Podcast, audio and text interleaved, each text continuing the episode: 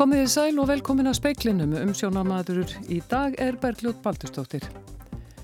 Allir ráðherra ríkistjórnarinnar nema tveir þurfa að við hafa smittgátt í fjóra dag og að fara í tvær sínatökur vegna smitts sem kom upp á hóteli þar sem þeir snættu í vikunni. Eitt starfsmæður hótelsins og sjö gestir hafa greinst með veiruna. Rúsneski stjórnarandstæðingurinn Alexi Navalny sem grunnuleikur á að eitrað hafi verið fyrir verður fluttur undir leknishendur í Þýskalandi. Gerðar hafi verið árásir á báða bógamilli Ísraels og Hamasliða undanfarnar vikur þótt vopnallið sé í gildi. Frankvæntastjóri lækninga á helsugjæslu höfuborgarsvæðisins óttast að veikt fólk með langvinna sjúkdóma leiti ekki á helsugjæsluna af ótta við COVID-19. Rætt verður við Frankvæntastjóra lækninga síða í speklunum og við heyrum um berjatýnsli í skógum norðu Svíþjóðar sem er í uppnámi í ár vegna heimsvaraldusins Xi Jinping fórseti Kína og leiðtói kímerska kommunistaflokksins glýmur nú við vaksandi andstöðu innan flokksins vegna koronaviru faraldusins og gæsa veiði tímjambilið hófst í gær. Smitið á Hótel Rangá telst vera hópsíking. Hundruð mann manns gætu þurft að fara í sótkví vegna þess. Átta af þeim tíu sem greindust innanlands í gerð hafðu verið á hótelinu. Nýju af 11 ráðhörum ríkistjórnarinnar voru þar á þriðjúdag. Ráðherratni voru skimaðir fyrir veirunni í dag og þurfa að við hafa smittgátt fram á mánudag og fara þá í aðra skimun. Sankant heimildum fréttastofu töldust gestir hótelsinn sem fóri í morgunmata á ákveðnum tíma á sunnudaginn vera útsetti fyrir smiti og þeir sendir í sínatöku og sótkví. Einn þeirra segir í samtali við fréttastofu að starfsfólk hótelsins hafi ekki verið með grímur en annars hafi verið vel hugað að sótvörnum. Eini sameinleis nertið í morgunverðarsalnum hafi verið kaffivilinn. Þórólug Guðnason sótvartanleiknir segir að smitið hafi verið komið upp áður en ríkistjórnin var á hótelinu. Það verðist vera að smitið hafi verið komið upp fyrir þann tíma sem ekki var vitað um og, eh, og hérna en ríkistjórnin er með mjög stránga reglur, umgengnisreglur þannig að og, og það, þar voru við hafðar þarna.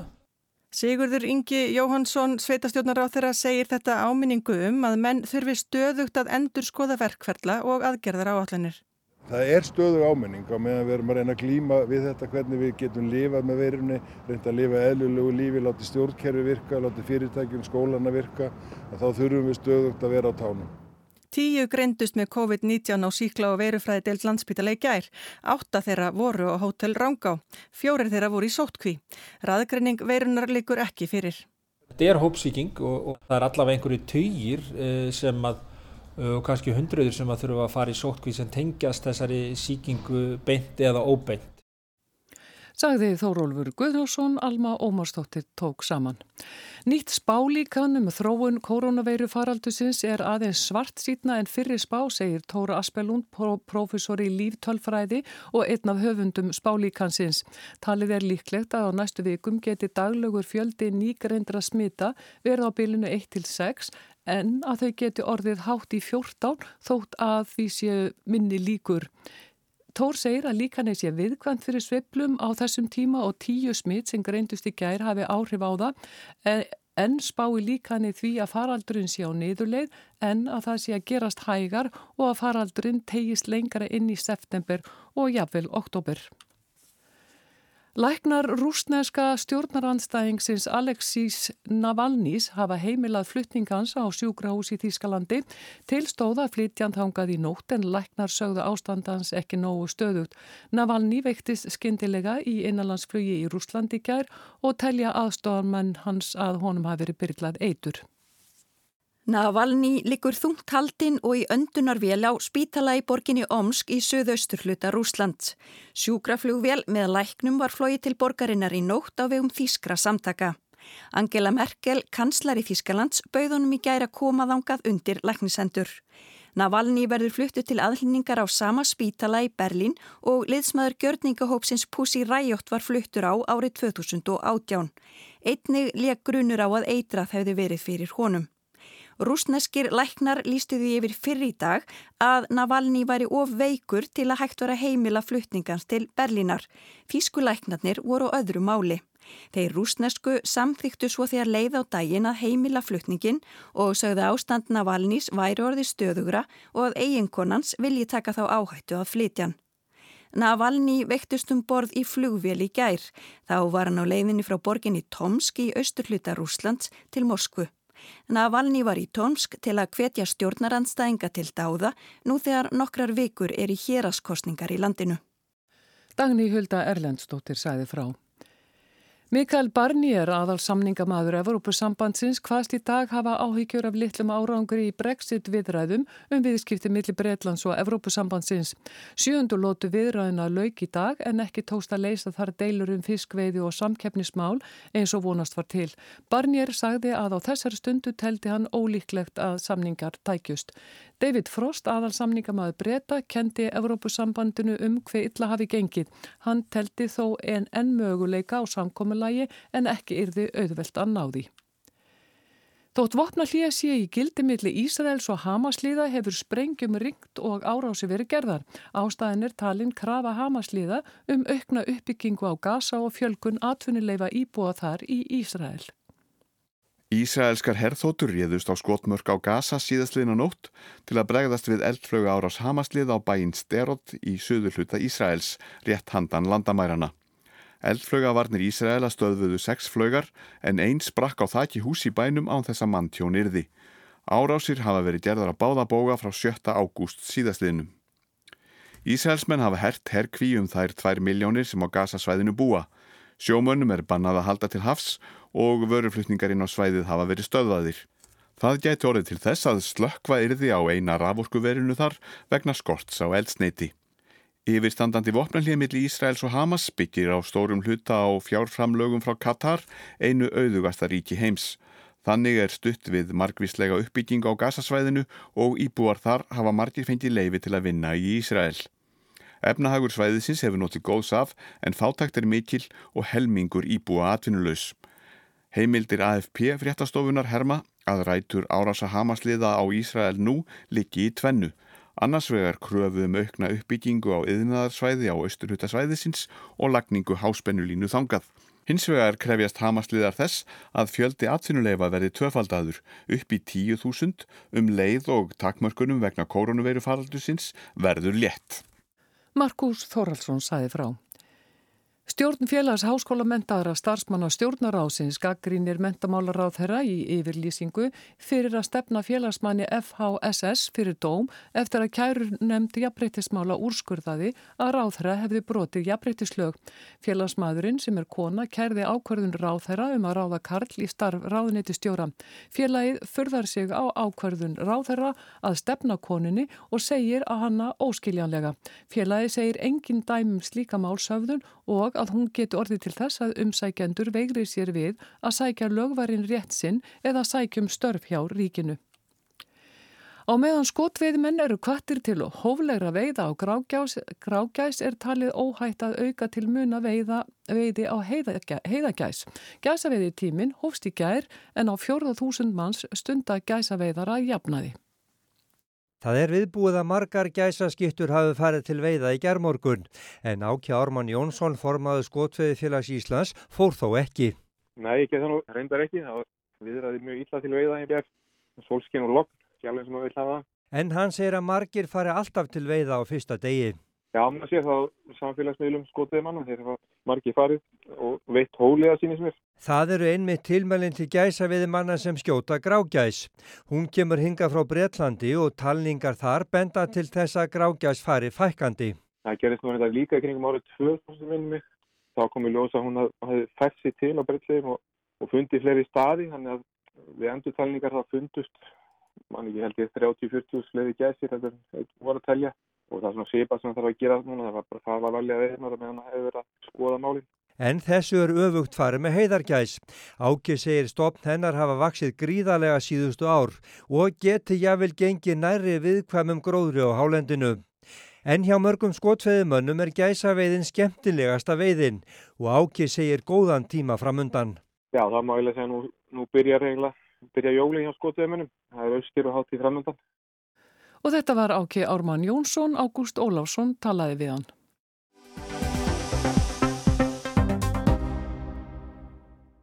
Sigriður Dóra Magnúsdóttir, framkantastjóri lækninga hjá heilsugæslu höfuborgarsvæðisins, hefur áhyggjur af því að þeir sem eru veikastir af öðrum sjúkdómum en COVID-19 veigri sér við að leita til heilsugæslunar af óta við að smitast. Mikil aðsókn er í sálfræði teimi heilsugæslunar en heilbriðistarsfólk er þreytt eftir sumarið. 10 til 30 síni vegna COVID-19 eru tekin á dag á hverri heilsugjastlustöða á höfuborgarsvæðinu. Nú stendur til að færa alla sínatöku heilsugjastlunar á eitt stað. Þeir sem eru með einkenni og grunum COVID-19 eiga eftir sem áður að ringja á sína heilsugjastlu. Þar er útbúin beðinni og fólk fær svo tíma í sínatöku sem fer fram á Söðlandsbraut. Mörg síni hafa undanfarið verið tekin úr fólki með einkenni. Já, það sýnir sig að það eru sem betur fyrir mjög fáir jákvæðir þrátt fyrir að fólk sé með ykkur einkenni sem vekja grunni á COVID, ykkur að vera lott við einkenni. Þannig að það er bara greinlega komnar að smá uh, haustpestar eins og við hafum vanda til að sjá en, en það reynist ekki vera COVID. Mjög miklar breytingar hafi verið gerðar á allri starfsemi hilsugjæslunar og vinnureglum breytt vegna faraldusins. Já, við höfum alltaf áhugir af því að, að uh, að fólk kannski veirir sér að leita til okkar. Fólk er náttúrulega hrætt eh, er kannski að halda sér heim og býða í stað þess að koma í eftirlit út á sjúkdóminn sem þarf að fylgjast með. Og, og það er ekki síður er náttúrulega búið að vera gríðalegt álag á heilbyrju starfsfólki í allt sumar þannig að vissulega finnum við náttúrulega þreytu í öllu okkar starfsfólki sem að við verðum einhvern veginn að koma, koma starfseminni í gang þannig að allir geti leita til okkar en, en jafnframt tryggja öryggi bæði skjólstæðinga og starfsfólks. Hvaða sjúkdómar er þetta sem að þú uh, talar um og hefur áhyggjur af að skilja sér ekki? Já, það eru allir þessi langunni sjúkdómar sem við erum að fylgja eftir hækkað blóðþristingur, hækkað blóðsikur andli vanlíðan eh, stóðkerfis sjúkdómar ímsir allt þetta sem við erum að fást við alla daga sem að fólk hefur kannski ekki leitað út af. Sigriður Dóra segir að ef fólk sé með þessa langvinnu sjúkdóma eigi það að ringja í heilsugjastlustöðuna sína og panta tíma í reglubundið eftirlit. En mikilvægt sé að segja frá því ef fólk er með pest sem sé nýtil komin. En við erum bara hættust um að kannski okkar veikustu skjólstæðingar er þeir sem eru svona að þau kannski drægi sér hlýja í stað þess að láta heyri í okkur að láta heyri í sér. Hvaða afleiðingar getur það haft? Við viljum ekki vera van meðhandla sjúkdóma sem að þarfa meðhandla vel. Við viljum ekki missa af alvarlegum sjúkdómum. Við viljum ekki að fólk sé að draga býða heima með einkenni á þess að leita til okkar. Það er með einhver nýtilkomin einkenni sem að, sem að vekja, vekja áhyggjur og þá viljum að fólk hafi samband við okkur. Nú hefur verið komið upp geðteimum á öllum heilsugæslum. Er góð aðsókn í það eða hvernig er aðsóknin í það? Jú, það, það hefur gengið mjög vel með þessi geðteimi og þau eru mjög kærkomið viðbót við starfsemi heilsugæslunar og það hefur verið mikil aðsókn sem og í aðra sálfræði þjónustu sem við erum að bjóða upp á því það er náttúrulega bæðið bóð upp á sálfræði þjónustinu stöðunum og svo er ímis annu verkefni í gangi sem að uh, sinna andveri hilsu og það er bara mjög mikið að gera þar og mjög mikilvæg starfsemi því að uh, aldrei, aldrei, aldrei, fyrir, aldrei meira nú þegar, þegar það er mikið andlegt álag á þjóðinni. Skinnið þið það að það er að fólk er uh, að álag, andlegt álag er mikið? Já, við skinnjum mikinn kvíða og, og miklar áhugjur yfir. Það er allir einhvern veginn á allt öðrum staði lífun heldur þeir ætluðu. Þannig að við erum alveg að finna fyrir því að þetta er að valda uh, streitu. Sigriður Dóra segir að afsókn á helsugjæslu stöðvar hafi verið mikil í sumar og álag á heilbriði starfsfólki.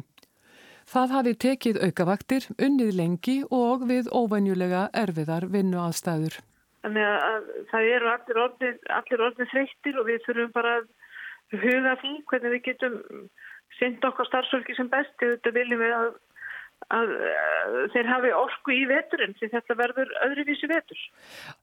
Hvernig áttu vona á því að þessi vetur verði? Ég held að verði mikið kvíði og streyta í samfélaginu. Ég held að verði mikið álag á, á á starfsfólk hilsugjastustöðana sem annað heldur starfsfólk. Ég held að uh, og, og þessi þessi kvíði lýsir svo oft í svona óþóli og pyrringi það er stittri þráðurinn í mörgum Sem betur fyrr hafi verið sett viðbótar fjármagn í sálfræði þjónustu og þætti sem lúta að andlegri líðan. Verið sé að reyna ebla alla þá þjónustu. Mjög mikilvægt sé að heilsugjæslustöðarnar séu opnar og að fólk geti leitað ángað. Ekki síður sé mikilvægt að starfsfólki geti treyst því að þeir sem eru með pestarengjenni komi ekki heldur ringi svo hægt sé að gera viðegandi ráðstafanir.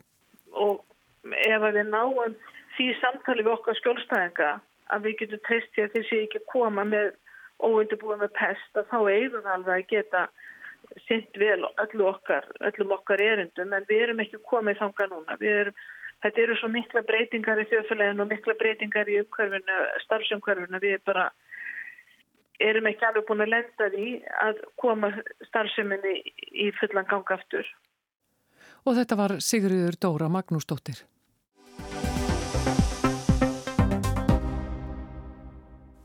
Á hverju ári ferðast þúsundir tælendinga yfir halvan nöttin til að týna ber í skóum norður svíþjóðar. Vinnan er erfið og slítandi, launin lág og aðstæðurna minna ofta á mannsal. Líkt og margar aðrar greinar hagkerfisins hefur berjaframlegsla verið í uppnámi vegna heimsfaraldus COVID. Í víðóttumiklum skóum svíþjóðar má finna ber af hverskins tægi. Síðsumars bláber og múltuber og svo skerrauð títuber með haustinu. Á síðustu árum hafa þessi vildu ber orðið að vinsælri luxusvöru víða um heim og nú er svo komið að svíjar flytja út þúsundir tonna af berjum á ári hverjum, engum bláberjum sem eru eftirsótt heilsuvara til að mynda í Japan. En það er ekkert íhlaupaverk að týna þessar miljónir kílóa af berjum. Lengst af var það auðvitað hér í Svíþjóð eins og á Íslandi að það var aðalega almenningur sem brá sér í berjamá og týndi til heimilistarfa. En eftir fall Sovjetríkjana fór fólk frá fátækum löndum á borðið Póland og Eistrasaltslöndin að leggja hingað leið sína í nokkrar vikur eða mánuði til að vinna í uppgripum við berjatýnslu. Ekkert atvinnuleifi þurfti til, bara ferðamannapassa og berinn þau má hver sem er týna. Það var á þessum tíma sem farið var að flytja bláber út í stórum stíl frá Svíþjóð en um 90% þeirra berja sem hér eru tínt eru útflutningsvara. Uppur aldamótunum hættu þessar þjóðir að koma en í staðin fjölgaði farandverkafólki frá fátækum ríkjum Austur Asju. Undanfærin ár á það aðalega verið fátækir tælendingar, engum smábændur, sem hafa tínt sænsku berin. Yfir 7000 komuhingaði fyrra til að týna ber. Það er hins vegar allur gangur á því hver mikið fólk færi í eigin vasa. Árið 2009 var til dæmis óveinju lélegt berjár og fjöldi fólks sem hafði greitt háar fjárhæðir til að ferðast á berjavertið í Svíþjóð fekk hverfandi litlar tekjur. Margir urðu strand í Svíþjóð, áttu ekki fyrir farunu heim. Eftir þetta voru lögum berjatýnslu hert þannig að dvalar og atvinnuleifi voru aðeins veitt fyrir fólk utan Európusambandsins ef ákveðin lágmarkslaun voru tryggð. Þrátt fyrir þetta getur verið erfitt að ná endum saman. Í fyrra var aftur lítuðum ber nema á einstakasvæðum og hörð samkeppni um þau. Sænska ríkisjónarbið rætti þá við Njóm Sonsang sem hafði komið á samt fjölskyldu sinni til að starfa við berjatýnslu. Ferðin kostar sitt og til að koma út í plús, tapa reynlega ekki peningum á ferðinni, þurfti Njóm Sonsang að týna 1500 kíló af bláberjum. Við þetta bætist að algengt er að ráðningarfyrirtæki í Tælandi hafi fjö af fólki, svíki það um laun eða láni því fyrir farinu til svíþjóðar gegn afarkjörum. Taki jafnvel jarðnæði af fátækum smábændum ef þeir ná ekki að týna nógu mörg tonn af bláberjum í svíþjóð til að geta greitt lánið sem þeir tóku fyrir ferðinni. Síðustu tvö ár hafa verið heldur léleg berjár og fristi geimslur heilsalana tómar. Þetta sumarið er berjasprettan betri en nú setur heimsfæraldur COVID-19 stryk í rekningin. Lengi vel var útlitt fyrir að berjatinslu fólkið frá Tælandi fengi ekki leiði frá þarlendum yfirvöldum til að ferðast til Svíþjóðar og vinna hér við berjatinslu vegna mikillar útbreyslu koronavírusins hér í Svíþjóð. En í lok júli gaf atvinnumálraðaniti Tælands grænt ljós á ferðalögin svo framalega sem að sænsku fyrirtækin gættu almenlega að smitvörnum og treyðu fólkinu lámarsklaun. Nú eru vonast til að berjatinslu fólkið komi frá Tælandi þrátt fyrir faraldurinn, en það fást svíjar ekki til að starfa í þessum geira. Kaupið er kannski ekki nógu hátt. Meðalverð sem heilsalar greiða fyrir kíló af bláberjum er tæpar 250 íslenskar krónur þessa dagana. Þetta eru auðvitað smánarlaun fyrir svíja, en kannski nóg til að freysta fátæks bændafólks frá Tælandi og reyndar einnig óprútina aðila sem reyna að hagnast á stríti og örvæntingu samlanda sinna. Aug verkafólks frá Tælandi hefur nefnilega undanfarin ár nokkur fjöldi búlgara lagt leið sína til Svíþjóðar til að týna ber. Kjör þeirra og aðstæður minna ofta á mannsal. Fyrir nokkrum árum urðu hundruð búlgarskra farandverkamenna strand í Svíþjóð. Þeir sögðu að sér hefur þeir lofað góðum tekjum fyrir að týna hér ber en í raun hafi fólkið aðeins fengið nokkrar krónur og verið hótað öllu ítlu. Grunuðum í þessu máli var sleft vegna skorts á sönnunum og svo er raunar oftast raunin. Í umfjöllun Sænska ríkisútorsins segir að glæbamenninir beini sérstaklega sjónum að fátæku og illa stöttu fólki í Búlgaríu. Fólkinu er lofað góðu kaupi en svo hótað og sagt að það skuldi peninga fyrir ferðalag og gistingu.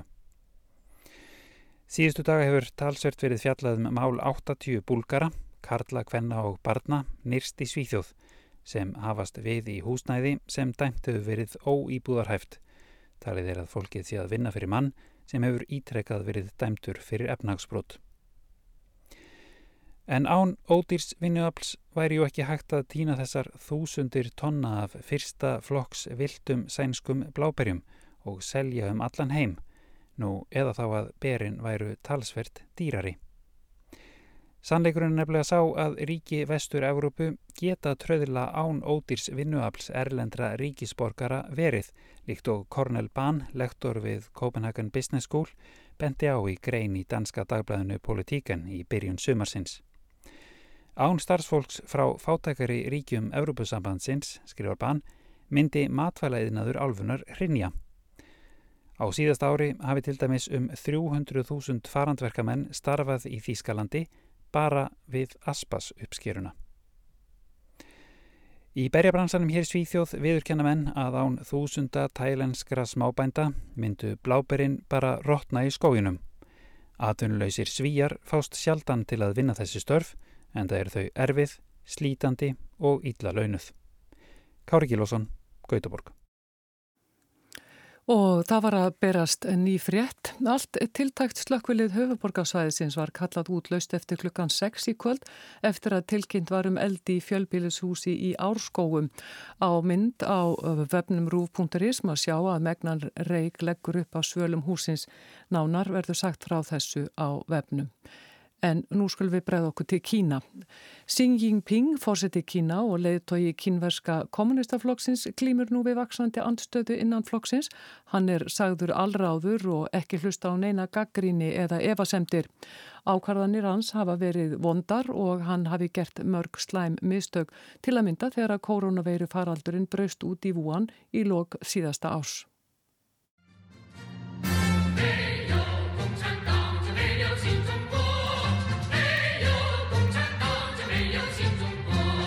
Þetta fullirðir Kai Xia, fyrirverandi prófessor við Flokksháskólan í Peking. Hún er 67 ára og nú landflótta í bandaríkjónum. Hún var rekin úr flokknum á mánudag, tveimur mánuðum eftir að hljóðrið þar sem hún gaggrindi sí harlega var lekið á vefin. Í framhaldi á lekanum rætti hún við bladamann Guardian en bað hann um að býða með að byrta viðtalið þar sem henni og fjölskyldu hennar hefði verið hótað. Eftir brottvikningu hennar á mánudag hefur hún tjáð sig enn frekar og ber Xi Jinping ekki vel söguna. Fjallaður um álið bæði í Guardian og New York Times. Kai Xia var ekki neitt smá fiskur innan kynmeska kommunistaflokksins.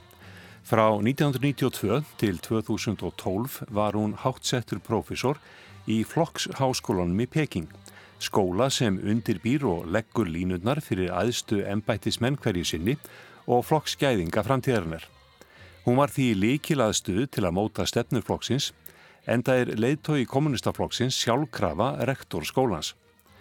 Hún var eina þeim sem komið að þeirri stefnubreitingu flokksins um aldamótin að opna Kína en frekar fyrir alþjóðavískiptum. Kapitalismi innan kommunisma varð enn öfluri og Kína fekk aðild að alþjóðavískiptastofnunni. Í kjölfarið jógst hagvöxtur í Kína mikill. Kai segir að hún sé að þeirri kynsluð sem tók þátt í imbótum í etnaðarslífunu og það hafi þrátt fyrir allt verið umræða og heilbrið skoðanaskipti innan flokksins. Nú sé þessi hópur áhriflaus og hafi verið settur út í hort. Xi Jinping tók við völdum árið 2013.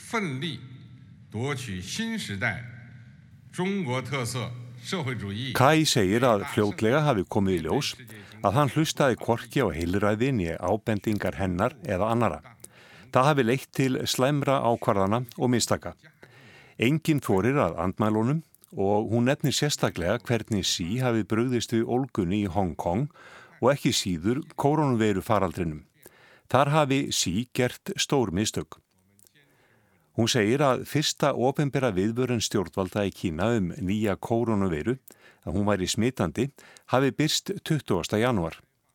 Stjórnvöld vissu að veirunni í lók desember og það er skjálfest í flokksblæðinni Qi-Xi að Xi átti fund með aðstu embættismunna ríkisins þann 7. januar um hvernig bregðast ætti við hugsanleiri útbreyslu hennar. Kai spyr hvers vegna tvær vikur liðu frá þeim fundi þar til heimsbyggðinni var greint frá hættunni. Þegar óttin við að andmæla eða spyrja spurninga verður skinseminni yfirsterkari, þá skapast hætturett ástand sem verður að vítaring. Sí viðurkennir ekki mistök, segir K.I. Og fleiri rángar ákvarðanir eru svo teknar við að reyna að vinda ofana fyrir mistökum og ástandið versnar þannig og versnar. Hún talar hreint út og segir að feigðin fylgi Xi Jinping. Kommunistaflokkur Kína undir stjórn hans komi í veg fyrir alla framþróun í Kína. Xi finnst önnur stóruveldi ofsækja Kína. Allir eru óvinnir. Kai Xia segir að hún hafi viljað yfirgefa flokkin árið 2016 þegar henni fannst útsið að hægt væri að koma skoðunum sínum að. Hún var svo rekin úr flokknum á mánudag eftir að júni viðtalið við hana var byrt ofunberlega. Brottrækstrinum fylgdi yfirlýsing gamla skólansennar um að hún hefði skafað orstið föðurlandsins. Hún segir að það hefði verið henni léttir að vera rekin úr flokknum, nú getur hún loksum frjálstöfu strókið og sagt það sem henni sínist.